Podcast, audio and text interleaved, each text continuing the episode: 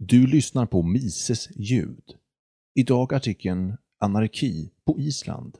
Föredöme eller varnande exempel. Författaren Peter Pan. Artikeln publicerades på mises.se 27 juli 2011. Kan erfarenheterna från de isländska vikingarna för åtta sekel sedan lära oss en läxa om riskerna med privatiseringar? Det anser i alla fall Jared Diamond, i sin artikel “Living on the Moon” som publicerades i New York Review of Books den 23 maj 2002 skildrar Diamond den isländska vikingatiden som ett mardrömslikt exempel på hur det kan gå när privatiseringar löper amok.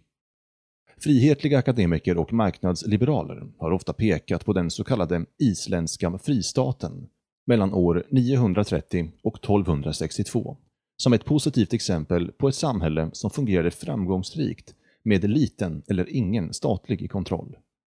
I Journal of Legal Studies skriver ekonomen David Friedman att fristaten citat, nästan hade kunnat uppfinnas av en galen ekonom för att testa hur pass långt ett marknadssystem kan ersätta staten och dess mest grundläggande ansvarsområden. Eller som Diamond själv konstaterar, citat. Det medeltida Island hade inga byråkrater, ingen skatt, ingen polis och ingen armé. Många av de klassiska statliga ansvarsområdena existerade inte överhuvudtaget på Island, medan andra verksamheter var helt privatiserade, däribland brandförsvaret, åtal och verkställande av domar samt omsorg av de fattiga. Slutcitat. Men till skillnad från det som ser det isländska systemet som en eftersträvansvärd modell hävdar Diamond att fristatens alltför privatiserade karaktär gjorde att landet var oerhört instabilt vilket slutligen också ledde till dess våldsamma kollaps år 1262. Hans studium har redan citerats av The American Prospect som en oumbärlig tillgång för det som motarbetar privatiseringar och minskad statlig makt. Så vem har då rätt? Visar det medeltida Island på fördelarna eller farorna med privatiseringar? Med sitt geografiska läge mitt i norra Atlanten, mellan Norge och Grönland, och sina karga nordliga stränder som nuddar vid polcirkeln är Island ett kalt och öde landskap fyllt av basalt och stelnad lava, varvat med vulkaner, geister och glaciärer. Kusligt vackert för turister, men en svår utmaning för jordbrukarna. En så pass hård fysisk miljö borde ha lockat få invandrare. Om det inte vore för det ännu hårdare politiska klimatet hemma på fastlandet. Islands första nybyggare, var nordiska och keltonordiska flyktingar som flydde från kung Harald Hårfagres försök att införa centraliserad kontroll och fastighetsskatt i hela Norge under slutet av 900-talet. Det etablerade vad historiker kallar den isländska fristaten, eller det isländska samväldet, omkring år 930. I Diamonds ord privatiserade det staten bortom Ronald Reagans vildaste fantasier vilket är en underdrift med tanke på att Reagan ökade statens storlek och utgifter dramatiskt under sin tid vid makten. Och därmed kollapsade samhället i ett inbördeskrig som kostade islänningarna deras självständighet. Detta därmed är något missvisande, eftersom inbördes strider inte blev ett allvarligt problem på Island förrän omkring 1220, nästan tre århundraden efter det att systemet infördes och systemets slutliga sammanbrott inträffade inte förrän ytterligare 42 år senare. Som jag har skrivit på annat håll bör vi akta oss för att klanka ned på ett politiskt experiment som varade och blomstrade längre än vad USA ens har existerat. Med tanke på Diamonds kriterium för instabilitet kan USA inte kallas hållbart förrän det har överlevt till år 2108. Man skulle dock kunna hävda att USA redan har sumpat dessa stabilitetskrav det dröjde trots allt inte längre än 85 år innan USA drabbades av ett katastrofalt inbördeskrig, till skillnad från Island, som undgick detta i 290 års tid. Hur kunde då den isländska fristaten fungera? Medeltidshistorikern Adam von Bremen skrev att lagen var Islands enda kung. Rättsväsendets förvaltning, i den mån det existerade, låg i händerna på ett parlament bestående av cirka 40 tjänstemän som historiker beklagligt nog brukar kalla för hövdingar. Detta parlament hade ingen budget och inga anställda och sammanträdde endast två veckor per år. Förutom deras parlamentariska roll hade hövdingarna även makten att utse domare och bevara freden i sina lokala distrikt. Det senare jobbet utfördes huvudsakligen mot betalning. Verkställandet av domar var i hög grad en fråga om självhjälp. Därav Islands rykte som ett land med konstanta privata strider. Men de som saknade makt att hävda sina rättigheter kunde sälja sina domstolsbackade krav på ersättning till någon som var rikare, vanligtvis en hövding. Därmed gick inte ens ett brott mot de fattiga obestraffade. Grunden för en hövdingsmakt inom den politiska ordningen var den makt han redan hade utanför den, det vill säga i det civila samhället. Hövdingsämbetet var en sorts privat egendom som kunde köpas och säljas och därför tenderade hövdingdömena att åtföljas av privata förmögenheter. Men rikedom i sig var inte tillräckligt. Som ekonomihistorikern Birger Solvason noterar i sin mästerliga studie av denna tidsperiod, citat. Att endast köpa ett hövdingdöme innebar ingen maktgaranti. Slutcitat. Själva ämbetet i sig var nästan värdelöst om hövdingen inte kunde övertyga ett antal jordbrukare att följa honom. Hövdingarna hade inte bestämmanderätt över geografiskt avgränsade distrikt utan konkurrerade om kunderna med andra hövdingar från samma geografiska område. En hövding var en politiker, advokat och en polis på en och samma gång. Han företrädde sina kunder i parlamentet, fungerade som deras advokat i rättstvister och erbjöd dem väpnad hjälp vid konfliktlösning. Om hans kunder var missnöjda med kvaliteten eller priset på dessa tjänster kunde de byta till en annan hövding utan att behöva flytta till en annan fysisk plats. Kontraktet mellan hövdingen och kunden kunde fritt sägas upp av endera part och var i mångt och mycket som ett kontrakt man tecknar med sitt försäkringsbolag eller för ett mobilabonnemang. Jurisdiktioner var i själva verket virtuella snarare än fysiska. Det faktum att tillhandahållandet av offentliga tjänster var en konkurrensutsatt, snarare än monopolitisk verksamhet, var utan tvekan ett av det isländska fristatens stora styrkor. Precis som på alla andra marknader leder konkurrens till en rädsla för att förlora kunder till konkurrenterna, vilket utgör en säkerhet mot ineffektivitet och maktmissbruk. Mycket av motståndskraften och flexibiliteten i den isländska lagstiftningen berodde på att auktoritet och geografi var åtskilda. Diamond finner detta konkurrensutsatta rättssystem unikt och bisarrt. Citat. I alla andra delar av världen härskade konkurrerande hövdingar över sina egna, exklusiva områden, inom vilka alla andra måste lyda hövdingen. Slutcitat. Diamond verkar omedveten om att icke-territoriell jurisdiktion har varit ett ganska vanligt fenomen genom hela historien. Faktum är att förekomsten av detta i det medeltida Europa ofta anses förklara västvärldens uppgång. Dock är det visserligen sant att den isländska fristaten drev principen om icke-territoriell jurisdiktion längre än de flesta. Medan icke-territoriell jurisdiktion har sina beundrare är Diamond definitivt inte en av dem. Tvärtom anser han att detta konstiga territoriella system är som bäddat för kaos. Citat. Invånarna kunde välja sin hövding och byta allianser oavsett vilken hövding som råkade bo närmast dem. Hövdingagårdarna omringades av en uppsjö av mindre gårdar, där vissa ockuperades av hans egna anhängare, medan andra beboddes av andra hövdingars anhängare. Fejderna som följde utgör grunden för de isländska sagorna.” Slutcitat. Men i Jesse Byoks Viking Age Iceland, som är en av de böcker som Diamond säger sig basera sin analys på, finner vi raka motsatsen till hans påstående. Avsaknaden av geografiskt avgränsade hövdingar betydde att ingen grupp kunde hävda exklusiv eller långvarig kontroll över något område.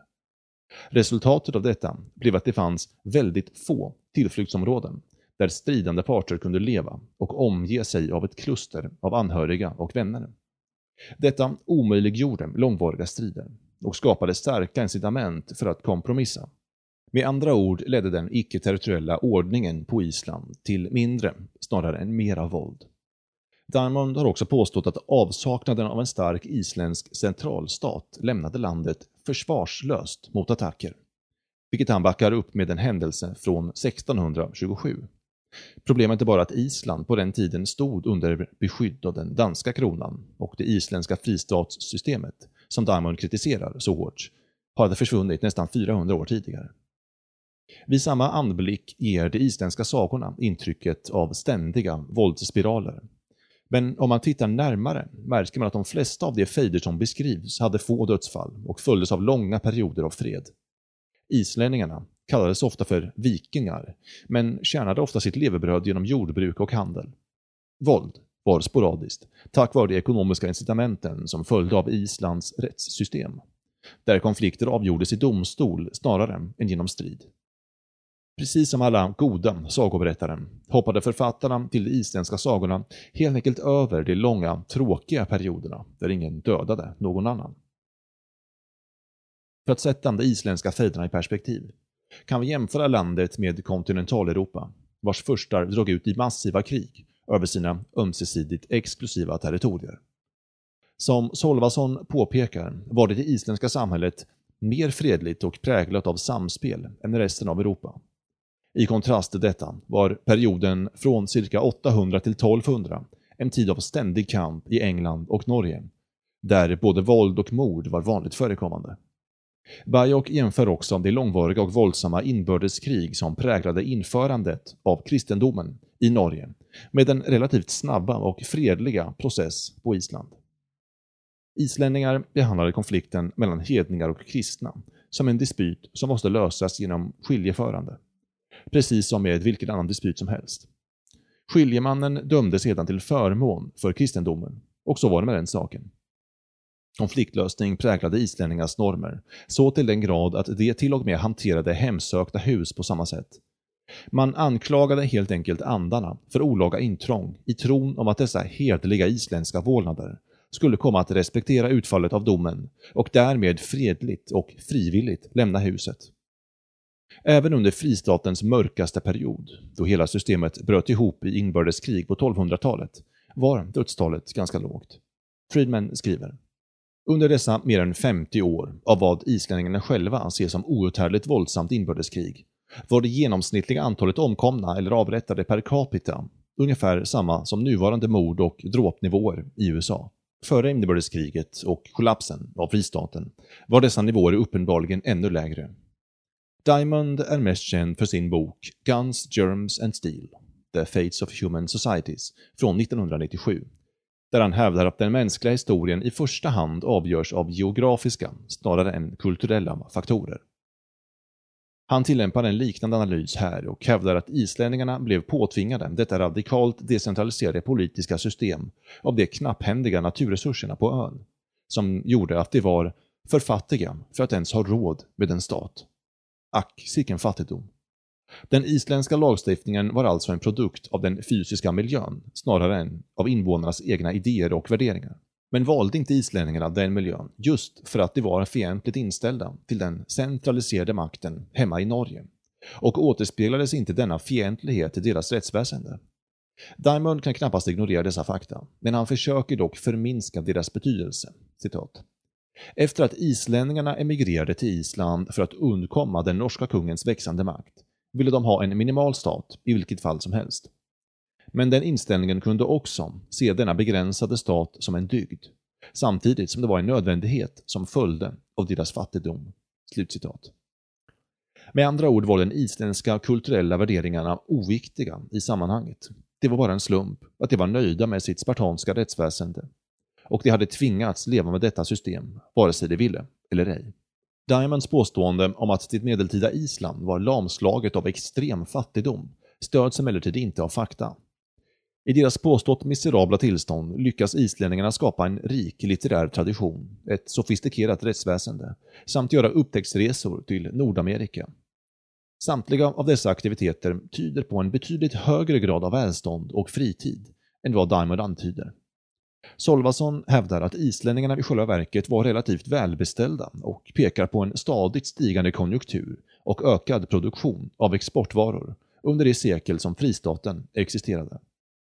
Andelen båtägare på Island var betydligt mindre än vad man kanske kan förvänta sig på en ö, i synnerhet en som befolkas av vikingar. Diamond menar att detta berodde på Islands brist på skogsresurser, eller rättare sagt att dessa överexploaterades av nybyggarna vilket ledde till att nybyggarnas ursprungliga fartyg inte kunde ersättas av nya fartyg. Han drar slutsatsen att Island, som nästan helt saknade egna fartyg, lämnades försvarslöst mot utländska diton som kontrollerade och exploaterade Islands handel. Men som Solvason påpekar importerades timmer regelbundet till ön för olika syften och kunde därmed ha använts till skeppsbyggnad om fartygsägarna så hade velat. Solvason drar slutsatsen att islänningarna frivilligt valde att satsa på sina komparativa fördelar i djuruppfödning istället. Kött och ull tillhörde öns främsta exporter och lämnade varvsindustrin åt andra, förmodligen för att det var mer lönsamt att göra så. I vilket fall som helst bör vi vara skeptiska till Diamonds påstående om att miljön är avgörande för människans utveckling. Världen är full av dystra, ogästvänliga, resurssvaga områden vars invånare hankar sig fram med nöd och näppe. Men hur många sådana regioner har lämnat efter sig ett kulturarv som är jämförbart med medeltidens Island? Diamond borde ha lyssnat till filosofen R.G. Collingwoods resonemang om att historien inte formas av naturen, utan av vad människan gör med den. Allt tyder på att det inte var fattigdom som gjorde att islänningarna behöll sitt privata rättsväsende. Även om Diamond tydligen anser att systemet är så pass märkligt att han inte kan tänka sig någon annan förklaring. Skälet var istället att det helt enkelt fungerade. Men om den isländska fristaten var så framgångsrik, varför kollapsade den då till slut? Förklaringen ligger uppenbarligen i den växande centraliseringen av makt och rikedomar. Diamond skriver, citat. Kort efter att Island hade börjat befolkas hade ön cirka 4 500 självständiga jordbruk. Men på 1200-talet ägdes 80% av jordbruksmarken av endast fem familjer. Och alla de tidigare självständiga bönderna hade nu blivit hyresgäster. Slutcitat. Dessa fem familjer lyckades också köpa upp de flesta av hövdingarna så att de kunde dominera domstolarna och parlamentet. Koncentreringen av hövdingarna i händerna på ett fåtal personer innebar också slutet på konkurrerande hövdingar inom samma geografiska territorium. Island delades in i olika regioner som fungerade som lokala monopol eller ministater. Under åren 1220-1262 bröt ett inbördeskrig ut mellan dessa ministater och konflikten löstes först när de utmattade islänningarna bjöd in kung Hakon av Norge för att styra dem. Detta innebar också slutet för fristaten. Diamond ser detta som den ultimata konkursen för det isländska systemet. Citat. Jag kan inte komma på något annat historiskt exempel på ett självständigt land som blev så desperat att det överlämnade sig själv till ett annat land. Slutcitat. Kanske borde han ha tänkt lite längre och erinrat sig om England 1688, då kronan erbjöds till Wilhelm av Oranien efter att man avsett huset Stuart. Eller kanske ännu längre tillbaka, då många småstater bekämpade inbördes oroligheter genom att kalla in en romersk garnison, vilket de facto ledde till att de underkastade sig det romerska styret. Desperationen i islänningarnas drag visar dessutom på hur pass ovana de var vid så pass höga våldsnivåer som sedan länge varit vanligt förekommande på det europeiska fastlandet. I vart fall såg förmodligen inte islänningarna 1262 till 1264 års förbund som ett överlämnande av deras nationella självständighet, utan snarare som ett val av en ny hövding på grund av att deras tidigare hövdingar hade visat sig vara otillfredsställande. Denna nya hövding, den norske kungen, befann sig längre bort och var därmed också kanske mindre farlig. Han var definitivt också rikare än någon tidigare isländsk hövding och därför inbillade det sig också att han var mindre skatthungrig. Vad de inte insåg var att incitamenten förändrades drastiskt av att gå från ett konkurrensbaserat system till ett monopolitiskt dito. Även om deras egna system förvisso hade förlorat mycket av sin konkurrenskraft redan tidigare. Krig är ju inte en form av konkurrens. Krig är det som uppstår när konkurrensen inte fungerar. Att gå från konkurrensutsatta hövdingar till monopolitiska ministater innebar tveklöst mindre privatisering, inte mer. Och det var också när Island hade blivit mindre privatiserat och mer likt det europeiska fastlandet. En samling furstendömen som slogs om ett herravälde. Som landet kastades in i den typ av storskaliga krig som hade rasat i resten av Europa under många århundraden. Det verkar därför ganska orättvist att skylla denna katastrof på privatisering. Frågan kvarstår dock. Varför lyckas inte Islands privatiserade rättssystem förhindra denna ökade koncentrering av rikedomar och makt? Var detta misslyckande ett tecken på en inneboende svaghet i det isländska systemet? Som vanligt gör Diamond en miljöbaserad förklaring till koncentreringen av rikedomar. Islands hårda klimat. Citat. Under kalla vintrar förlorade fattiga gårdar sina boskap på grund av att de inte hade tillräckligt med hö och därför tvingades de skuldsätta sig själva att bli beroende av andra för sin överlevnad. Slutcitat.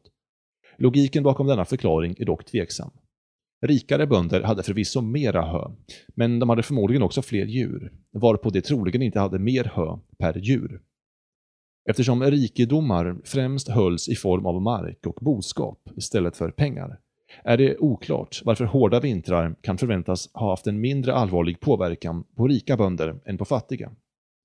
En mer trolig förklaring till fristatens undergång är införandet av en så kallad tionde skatt år 1096.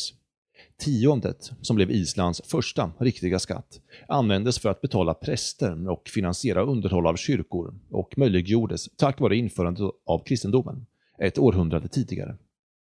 Tidigare skatter hade själva verket visat sig vara frivilliga avgifter för olika tjänster. Tiondet var också Islands första progressiva skatt och uppmättes till 1% av skattebetalarens egendom.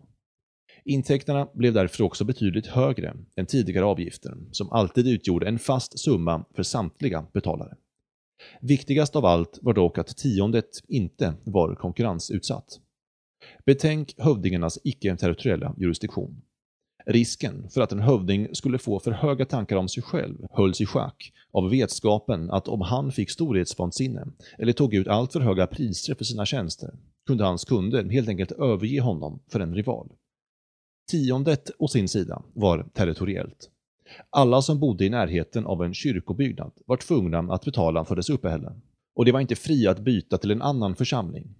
Kruxet är att den del av tiondet som var tänkt till underhåll av kyrkobyggnaderna inte gick till den officiella kyrkliga organisationen utan till de rika privata markägarna, vanligtvis hövdingar, som ägde statir, kyrkoegendomar, det vill säga de tomter som kyrkorna hade byggts på.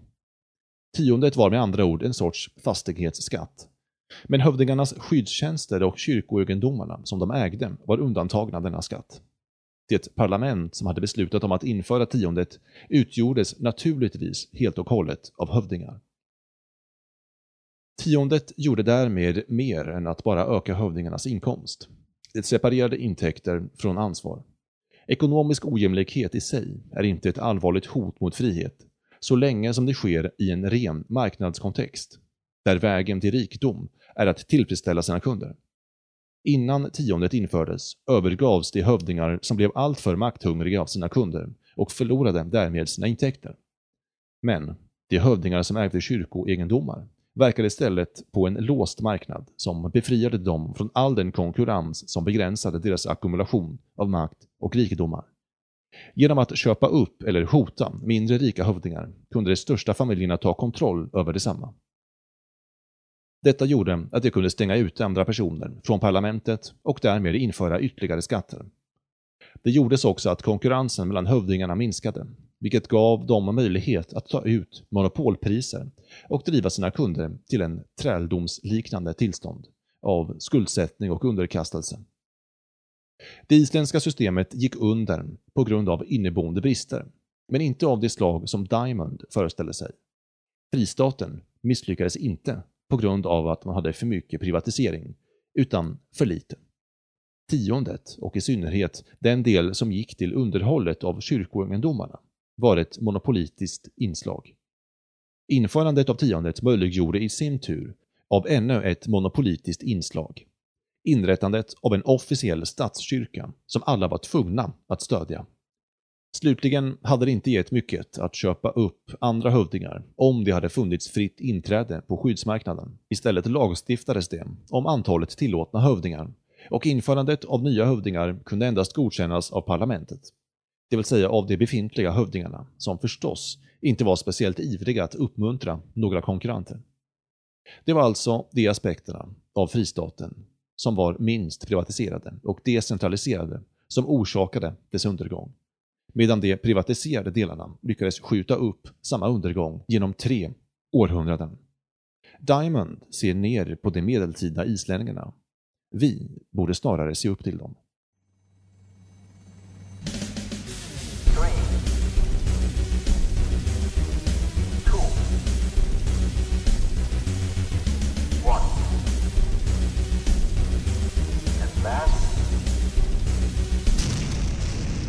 Your trust in politics